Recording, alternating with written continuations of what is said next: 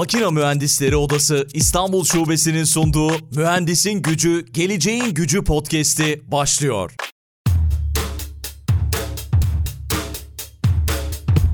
Mühendisin Gücü, Geleceğin Gücü podcast'inden herkese merhaba. Yeni bölümle karşınızdayız. Bu bölümde Formula 1 McLaren aerodinamik mühendisi Emel Çankaya konuğumuz oluyor. Ve Emel Çankaya şu anda karşımda. Emel hoş geldin. Hoş buldum. Teşekkür ederim beni davet ettiğiniz için. Rica ediyoruz. Biz de gerçekten çok mutluyuz. Seninle gurur duyuyoruz ve burada seni ağırlamaktan da ayrıca mutluyuz. Çünkü çok kısa zamanda çok güzel işlere imza atmışsın. Bunları dinleyeceğiz ve güzel bir podcast olacak. Aslında hem aerodinamiği hem Formula 1'i hem kadın mühendis olmanın zorluklarını belki de çünkü çok fazla kadın mühendis göremiyoruz maalesef. Bunları konuşacağımız bir sohbet olacak. Güzel bir sohbet bizleri bekliyor. Senin kariyerine ayrıntılı bir şekilde baktım ama sen belki bize biraz daha ayrıntılı bir şekilde anlatırsın. Emel Çankaya'yı tanımak isteriz. Nasıl başladı kariyerin, nasıl devam etti? Bunu dinlemek Tabii isteriz. ki. Okay. Ben havacılık ve uzay mühendisliği okudum Hollanda'da Delft Technical University'de. Çünkü ben Hollanda'da doğumluyum. Bunu okuma sebebim 7 yaşındayken ben televizyonda uzay ve astronotlarla ilgili bir, şey izlemiştim ve çok ilgimi çekmişti. O andan beri astronot ol, olmak istiyorum demiştim ve o yüzden havacılık ve uzay mühendisliği bölümünde başladım Hollanda'da. E, lisansımı burada Hollanda'da yaptım. E, sonra yüksek lisansıma da Hollanda'da başladım. Ama master tezim için e, Amerika'ya gittim bir sene. Üniversite hayatımda Formula 1 ile tanıştım aslında. İlgimi çekmeye başladı. Bu yüzden de üniversitede Race Car Aerodynamics diye bir ders vardı. Onu hani seçtim. Ama tek bir tane ders vardı. Fazla böyle race car ile alakalı bir şeyler yok Delft'ta. Sonra işte e, üniversiteden sonra hani bit, bitirmeye yakın Formula 1 takımlarına başvurmaya başladım. Ama tahmin edebildiğiniz gibi çok zordu girmesi. Çünkü çok niş bir endüstri ve çok fazla mühendis yapmak istediği için yani bayağı zor oluyor girmesi. Zaten çok az takım var bildiğiniz gibi. Hı hı. Birkaç tane takımı denedim. Maalesef olmadı. Sonra B planına gerek vardı. Hollanda'da bir bankada, finans sektöründe çalışmaya başladım. B planı olduğu için. Sonra iki sene sonra dedim tekrar deneyeyim. Çünkü gerçekten çok istiyordum. Sonra denedim ve bu sefer oldu gerçekten Süper. zor bir evet zor bir e, dönemdi ama çünkü iki sene yapmadığınız zaman aerodinamiği bazı şeyleri unutabiliyorsunuz yani. Tekrar Hı-hı. ders çalışmam gerek gerekti falan. Bu sefer oldu. İki senedir de McLaren'de çalışıyorum aerodinamik mühendisi olarak İngiltere'de. Bir nevi çocukluk hayalini gerçekleştirmemiş olsan da yani astronot olmak istediğini söyledin yanılmıyorsam. Ama aynen. En azından gerçekten mesleğini yapabiliyorsun şu anda. O da çok gerçekten gurur verici bir durum. Ama ben tabii şimdi hikayeni, kariyer hikayeni biraz anlattın ama belki biraz işte Formula 1'e tutkun olanlar da McLaren'le tanışma hikayeni merak ediyor olabilirler. Çünkü bayağı bir uğraşmışsın anladığım kadarıyla McLaren'e girmek için. McLaren'le tanışma hikayen nasıl oldu, nasıl başladı? Onu belki biraz daha anlatabilirsin bize. Ya tabii ki de başvurmadan önce birkaç tane takım araştırmıştım. Ama McLaren bilinen takımlardan biri. Çok eskiye dayanan bir hikayeleri var tabii. Bu yüzden ilgimi çekmişti McLaren. Ve Formula 1'e tutkun neden, nasıl oluştu? Çünkü çok yarışçı bir spor. Ben severim böyle e, böyle yarışları ve zoru severim. O yüzden ilgimi çekti yani bu tür hani Formula 1 racing spora. Dediğim gibi birkaç tane takım araştırdım internetten. Sadece McLaren'e başvurmadım tabii ki de. Diğer takımları da denedim. Hı hı hı. Ama dediğim gibi McLaren en eski takımlardan birisi. O yüzden ilgimi çekmişti. Peki yani, Formula 1 tutkun var mıydı daha öncesinde? Yani takip ediyor muydun, yani izliyor muydun? Küçükken yoktu. Ha küçükken yoktu. Aa, yok Hayır ama üniversite yıllarında başladım işte izlemeye. O, o zamanlar ilgimi çekti. O yüzden de başvurdum zaten. Emel biliyorsun Formula 1 İstanbul Park'ta 2005 yılında gerçekleşmişti ilk defa. İlk kazanan takım da McLaren takımıydı. O yüzden de artı bir parantez Türkiye'de en çok bilinen takımlardan da biri. Yani Formula 1 hiç izlemeyen bile McLaren'i biliyordur diye düşünüyorum. Çünkü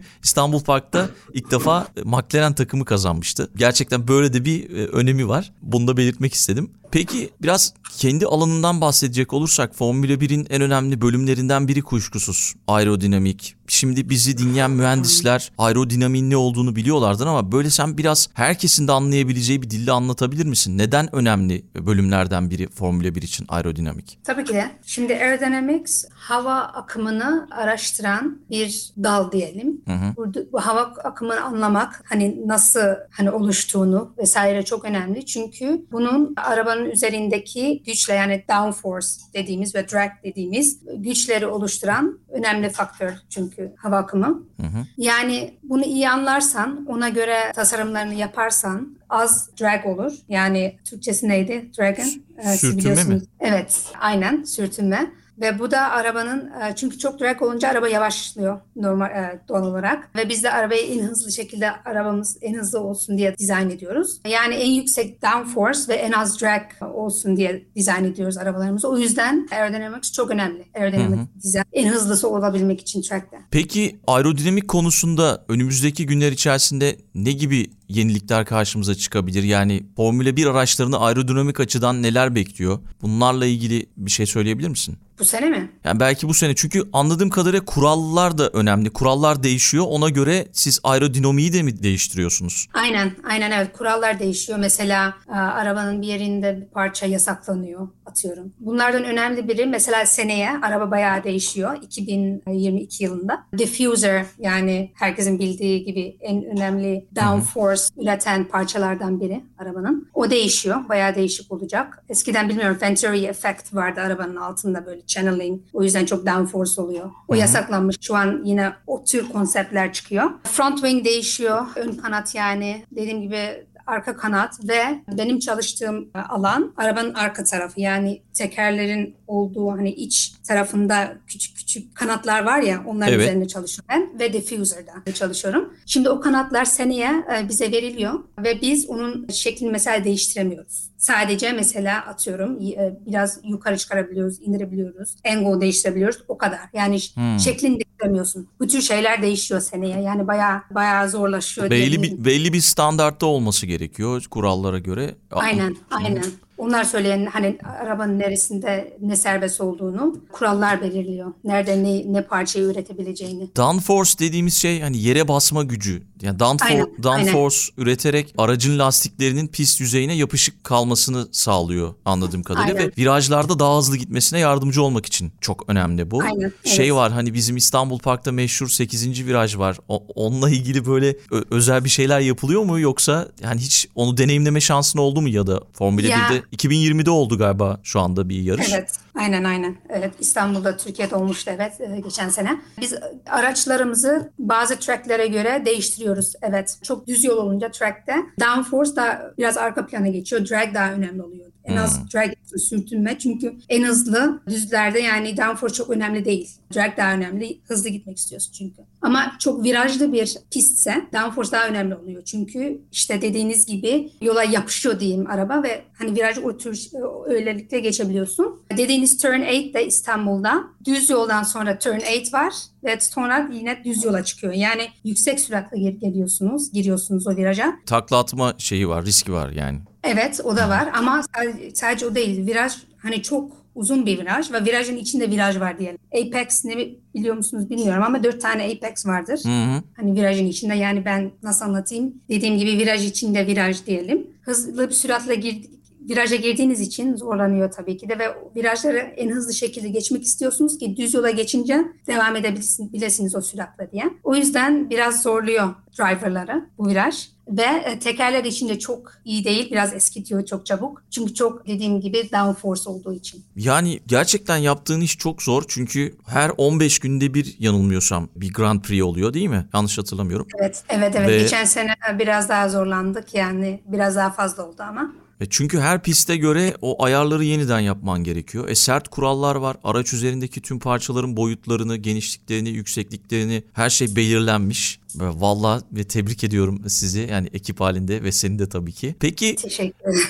Rica ederim. Peki ne gibi teknolojik gelişmeler geliyor? Endüstri 4.0'ı takip ediyoruz biz işte arttırılmış gerçeklik, işte nesnelerin interneti, işte bu tip şeyler çok fazla yapay zeka çok fazla konuşuluyor. Böyle şeyleri kullanmaya izin verilecek mi şeyde Formula 1'de ya da kullanılıyor mu? Mesela arttırılmış gerçeklik sanırım çok önemli sizin için. Yani yapay zekayı kullanmaya başladık diyelim. Hani çok kullanılmıyordu açıkçası. Benim başladığımda çok fazla kullanılmıyordu. Ama yavaş yavaş evet onu hani onu da kullanmaya başladık. Ama genelde şey diyorlar hani Formula 1'deki teknolojiye mesela automotive'de var McLaren'in onu da biliyorsunuz. Bizim yarattığımız teknolojileri diyeyim onlar da kullanabiliyor bazen. Yani o şekilde birbirimize e, de yardımcı olabiliyoruz ama otomotivden bize çok fazla şey geçmiyor. Genelde racing'den otomotiv oluyor. Evet. Hı hı. Bildiğim kadarıyla McLaren'in bir teknoloji center'ı da var. Yanlış Evet, hatırlamıyorsam. Evet, Technology Center. Aynen. Aynen evet. Orada yapıyorsunuz çalışmaları. Evet. Peki o zaman biraz şeyden bahsedelim. Sen şu anda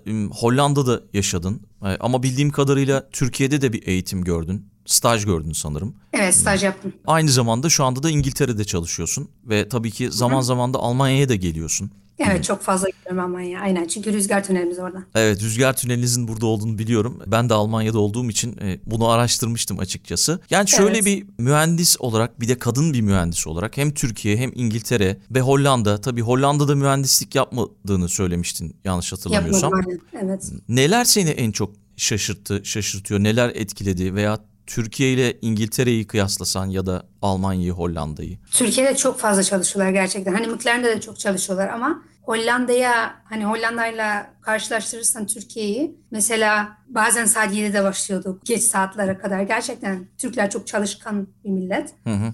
Bunu Amerika'dayken de öyle diyorlardı Amerikalılar hani seviyorlardı o yüzden Türkleri. Hollanda'da dediğim gibi finans sektöründe çalıştım. O biraz değişik. Orada da çok çalışıyorduk ama bu kadar çok değil mühendislikte. Yani belki de McLaren Racing olduğu için, Formula 1 olduğu için biraz daha değişik. Çünkü her şeyi biz hemen hızlı hızlı yapmamız gerekiyor. Mesela bir değişiklik yapmamız gerekiyorsa arabada dediğiniz gibi her iki haftada bir yarış oluyor. Diğer yarışa yetiştirmen gerekiyor. O yüzden her şey acele acele yapıyoruz yani. O yüzden çok zamana karşı yarışıyoruz diyebilirim. Hı hı. Hollanda'da de, mühendislik yapmadım aynen dediğiniz gibi. Yani onun, bunun, onun hakkında fazla bir şey diyemeyeceğim ama Hollanda'da çok böyle mühendislik yapabileceğim yer de yok sanırım. Ya ASML var. Belki biliyorsunuzdur. Hı hı. O, yani çoğu arkadaşım üniversiteden genelde orada çalışıyor. Veya KLM havacılıkta. Bu kadar yani. Çok fazla bir şey yok. Türkiye'den belki şunu kapmış olabilirsin. Çünkü ben de Almanya'ya geldikten sonra şunu fark ettim. Herhangi bir şey olduğu zaman çok fazla panikliyorlar. Yani bir kriz ortamında daha doğrusu çok fazla panikliyorlar. En azından Almanlar böyle. Ben böyle gözlemledim.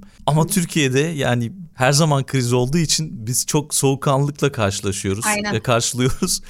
belki o özelliği kapmış olabilirsin. Yani böyle bir hani şimdi Formula 1'de de zamanla yarıştığınız için bu tip krizlerle de çok fazla karşılaşılıyordur diye düşünüyorum. Ee, Evet, o yüzden onu soğukkanlılıkla karşılama özelliğini belki Türkiye'den almışsındır diye düşünüyorum. Olabilir evet. Çünkü orada e, bayağı kaldım yani. Staj yaptım 3 ay. Yazın gelmiştim. Ve evet herkes böyle soğukkanlı, bayağı hani re- relaxed yani. Hollanda'da veya işte İngil İngiltere'de fazla bilemiyorum. Sadece McLaren'de çalıştığım için. Ama e, benziyor aynen. Çünkü paniklersen hiçbir şey yapamazsın yani düşünemezsin. Yani soğukkanlı kalman gerekiyor yani. Yani burada bir mağazaya gittiğimde işte sırada 5 kişi olduğu anda kasadaki insanın paniğini görmen lazım yani. herhangi Evet, bir şey hemen sor yeni- hemen hemen yerine biri geliyor. Bir de herhangi bir şey soramıyorsun. E, sorduğun zaman da bir dakika ben şu anda işimi hallediyorum diyor ama Türkiye'yi görse yani herhalde şaşıracak sırayı, kuyruğu, karışıklığı ve o yüzden Aynen. yani bu açıdan belki güzel bir yetenek mi diyelim, özellik kazanmışsındır diye düşünüyorum. Peki Yani olabilir evet aynen. Kadın mühendis olmak nasıl bir şey? Çok fazla kadın mühendis var mı şu anda? Formula 1 içerisinde diyelim. McLaren'i de katabiliriz belki. Yok çok az diyebilirim yani. Bizim Aerodynamics'te ben ve iki kişi daha var. Birisi bir bayağı yüksek menajer. Diğeri benim gibi. O kadar yani fazla kadın yok bizim takımda. Formula 1 de genellikle böyle. Bunun avantajları var, dezavantajları var. Avantajları herkes seni tanıyor. Bir şey iyi yaptığında akıllarda kalıyorsun. Hmm, süper. Mesela bir çok şey hani tersine çok iyi yapmazsan da o da tabii ki de akıllarda kalıyor. Hmm. Ama gerçekten daha böyle daha fazla bayanın Formula 1'de çalışmasını istiyorlar. Ama neden bilmiyorum. Hani başvuran daha az oluyor yani erkeklere. Erkeklerle karşılaştırırsan daha az bayan başvuruyor. Bunun nedeni bence hani e, ilkokulda falan çok erken yaşlarda kızlarımıza bu imkanları anlatabilmek çok önemli bence. Hı hı.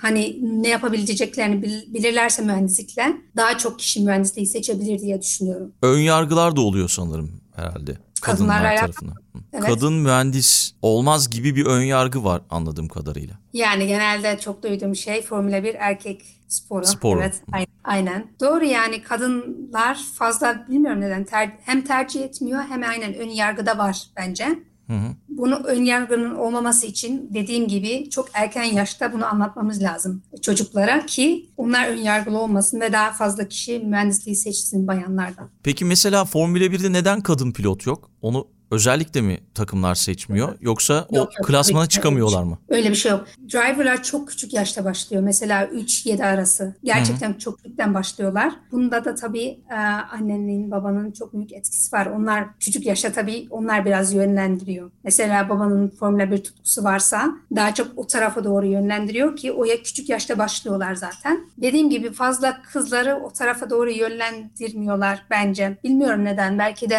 sevmeyeceklerini düşünüyorlardır. Hı hı. Çünkü hala bugünümüzde aklımıza gelen e, hani erkek arabayı erkekler daha çok sever, kadınlar fazla sevmez. O yüzden hani ailelerinde payı çok yüksek bence. Dediğim gibi çok az bayan seçiyor hani deniyor sürücü olmayı. Zaten çok az takım var. Onlar da hani bir, bir gruptan seçiyorlar. Bu grubun içinde doğal olarak az bayan var. Yani seçenek az. Hı hı. Ee, hani bayan erkeğe bakmıyor. En iyisini istiyorlar. Ve az bayan olursa, bir sürü erkek olursa yani tabii ki de onlar çoğunlukta. Onlardan iyi birinin çıkmasının şansı daha yüksek. O yüzden bence. Anladım. Ama, ama yok bayan olmaz istemiyorlar. Mesela Ferrari'de şu an Test Driver Academy'de bir tane bayan var. Hollandalı Belçikalı. Aa, Annesi süper. Daha çok ben Belçika. ra- rally sürücülerini, rally pilotlarını görüyorum. Onlar da senin dediğin gibi tespitin çok doğru. Ya babaları pilot oluyor. işte babadan kıza geçmiş gibi oluyor. İşte go-kartla başlayıp daha sonra işte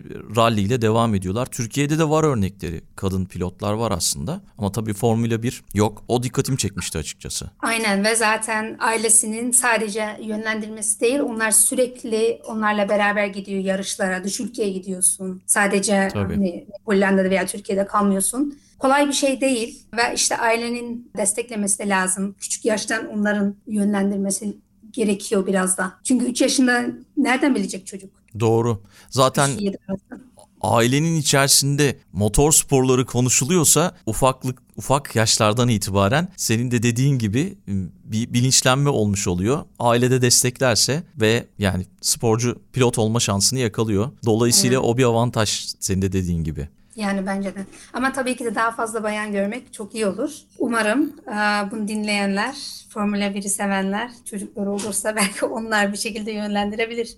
Olabilir bence de. Yani e, şimdi tabii o ön yargıları kırmak gerekiyor. İşte biz çocuklarımıza, kızlara bebek, erkeklere araba alıyoruz yani. Neden bir kıza araba almayalım? Yani araba hediye edip etmeyelim.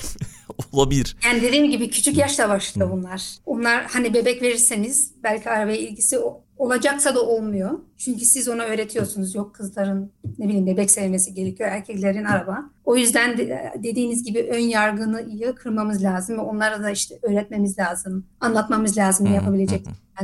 Peki Emel kendini geliştirmek adına İngiltere'de neler yapıyorsun? Ne gibi imkanlar var? Kendi mesleğinle ilgili neler yapıyorsun? Kendini nasıl geliştiriyorsun? Belki bunlardan bahsedebilirsin bize. Tabii. E, McLaren iç- içinde başka tabii birkaç tane departman var tabii. Ben Aerodynamics'teyim. Ama bazen ben diğer departman, departmanlarda yardım ediyorum. Mesela strategy. Hani ne kadar e, ne zaman pit stop yapacağını, ne kadar işte kaç defa duracağını onlar belirliyor. Onu yapıyorum bazen veya trackside aerodynamics. Trackside aerodynamics yapanlar daha çok veri analizi yapıyor. Mesela e, bir şeyleri test ederken bugünlerde test ediyoruz mesela. Onun veri analizini yapıyorlar. Hani değişik şeyler yaparak kendimi geliştirmeye çalışıyorum McLaren içinde. Onun dışında STEM yapıyorum. Dediğim dediğim gibi çocuklara böyle mühendisliği anlatmaya çalışıyorum. Bayağı zor oluyor çünkü Hmm. basit bir şekilde mühendisliği anlatmak, ne yaptığımı anlatmak çok da kolay değil. O yüzden o şekilde de kendimi bir nevi geliştirmeye çalışıyorum. O bir Yani sosyal dediğim- sorumluluk projesi falan mı? Evet yani sadece McLaren'dekiler değil tüm en- mühendisler yapabiliyor bunu. Hı hı. Bu yüzden işte ben Türkiye'de de mesela üniversiteler bazen soruyor. Yaptığın işi anlatabilir misin diye bunları da yapıyorum. Bunları yaparken onlar bazen sorular soruyor bana. Hiç düşünmediğim konular diyorum. Aa evet acaba nasıl oluyor bu iyi bir soru. Bu şekilde de kendimi geliştiriyorum açıkçası. Hmm, Onların hayal gücü çok daha farklı. Çok daha hmm, katkı sağlıyordur anladığım kadarıyla. Kesinlikle. Evet Aha. evet kesinlikle. Bazen öyle bir soru soruyorlar ki diyorum. Evet güzel soru hiç düşünmemiştim. Yani benim için de iyi, iyi oluyor. Onlar için de iyi oluyor herhalde. Doğru bazen cevap veremiyoruz ya gerçekten. Yani nasıl Evet. cevap vereceğimizi de bilmiyoruz. Güzel bir iş gerçekten. Çok takdir takdir ettim seni. Zaman zaman eğer şu anda podcast'i dinleyenler Formula 1 sporuyla hiç ilgisi olmayanlar varsa Netflix'te Formula 1 adında bir seri var. O ona bakmalarını tavsiye ediyorum. Yani geri plandaki Gerçekten takımların da neler yaptığını görme şansınız var. Yani gerçekten çok zor yani. Bilmiyorum sen Yani- izliyor musun? Ben izle yani hepsini izlemedim. İzlemeye başlamıştım. Sonra bitirmedim açıkçası.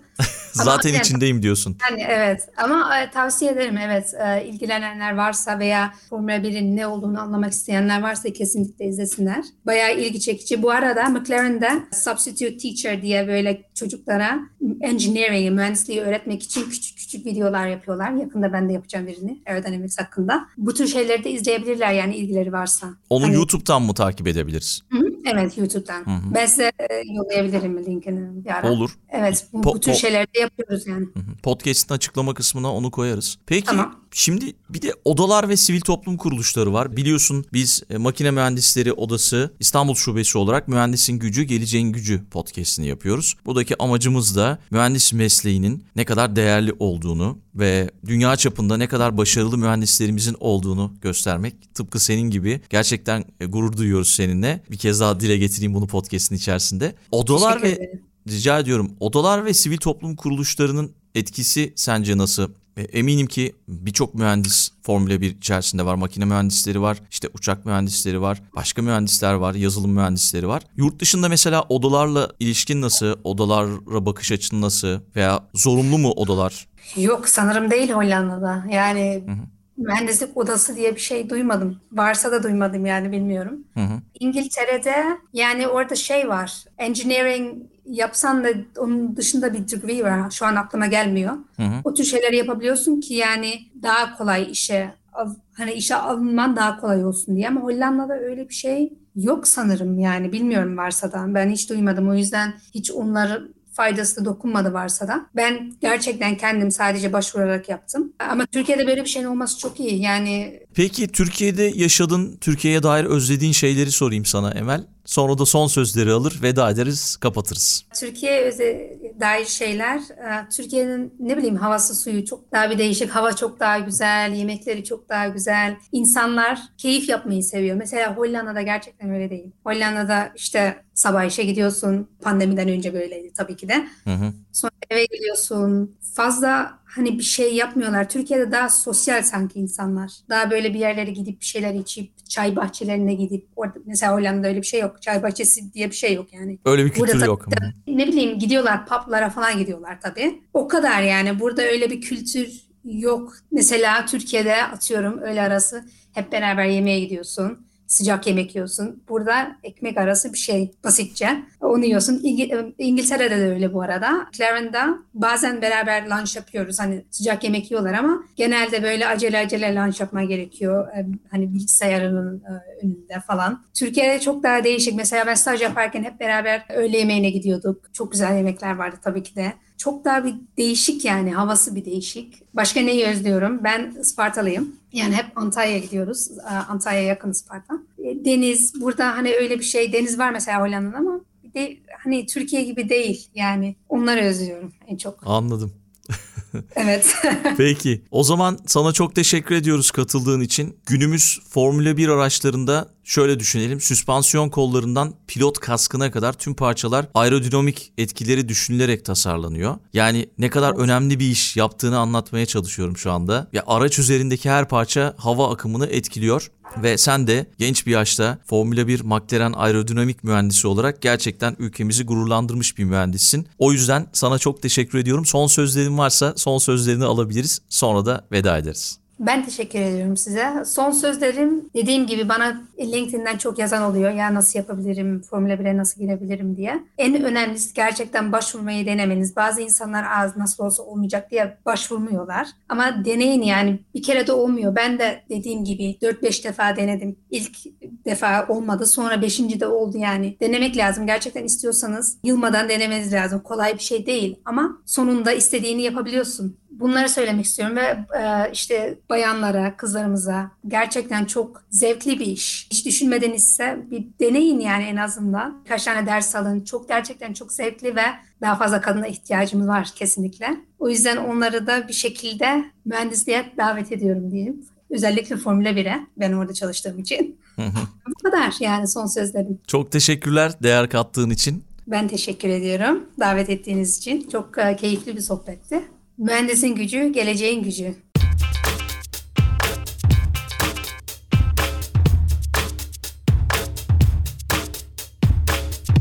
Makina Mühendisleri Odası İstanbul Şubesi'nin sunduğu Mühendisin Gücü, Geleceğin Gücü podcast'i sona erdi.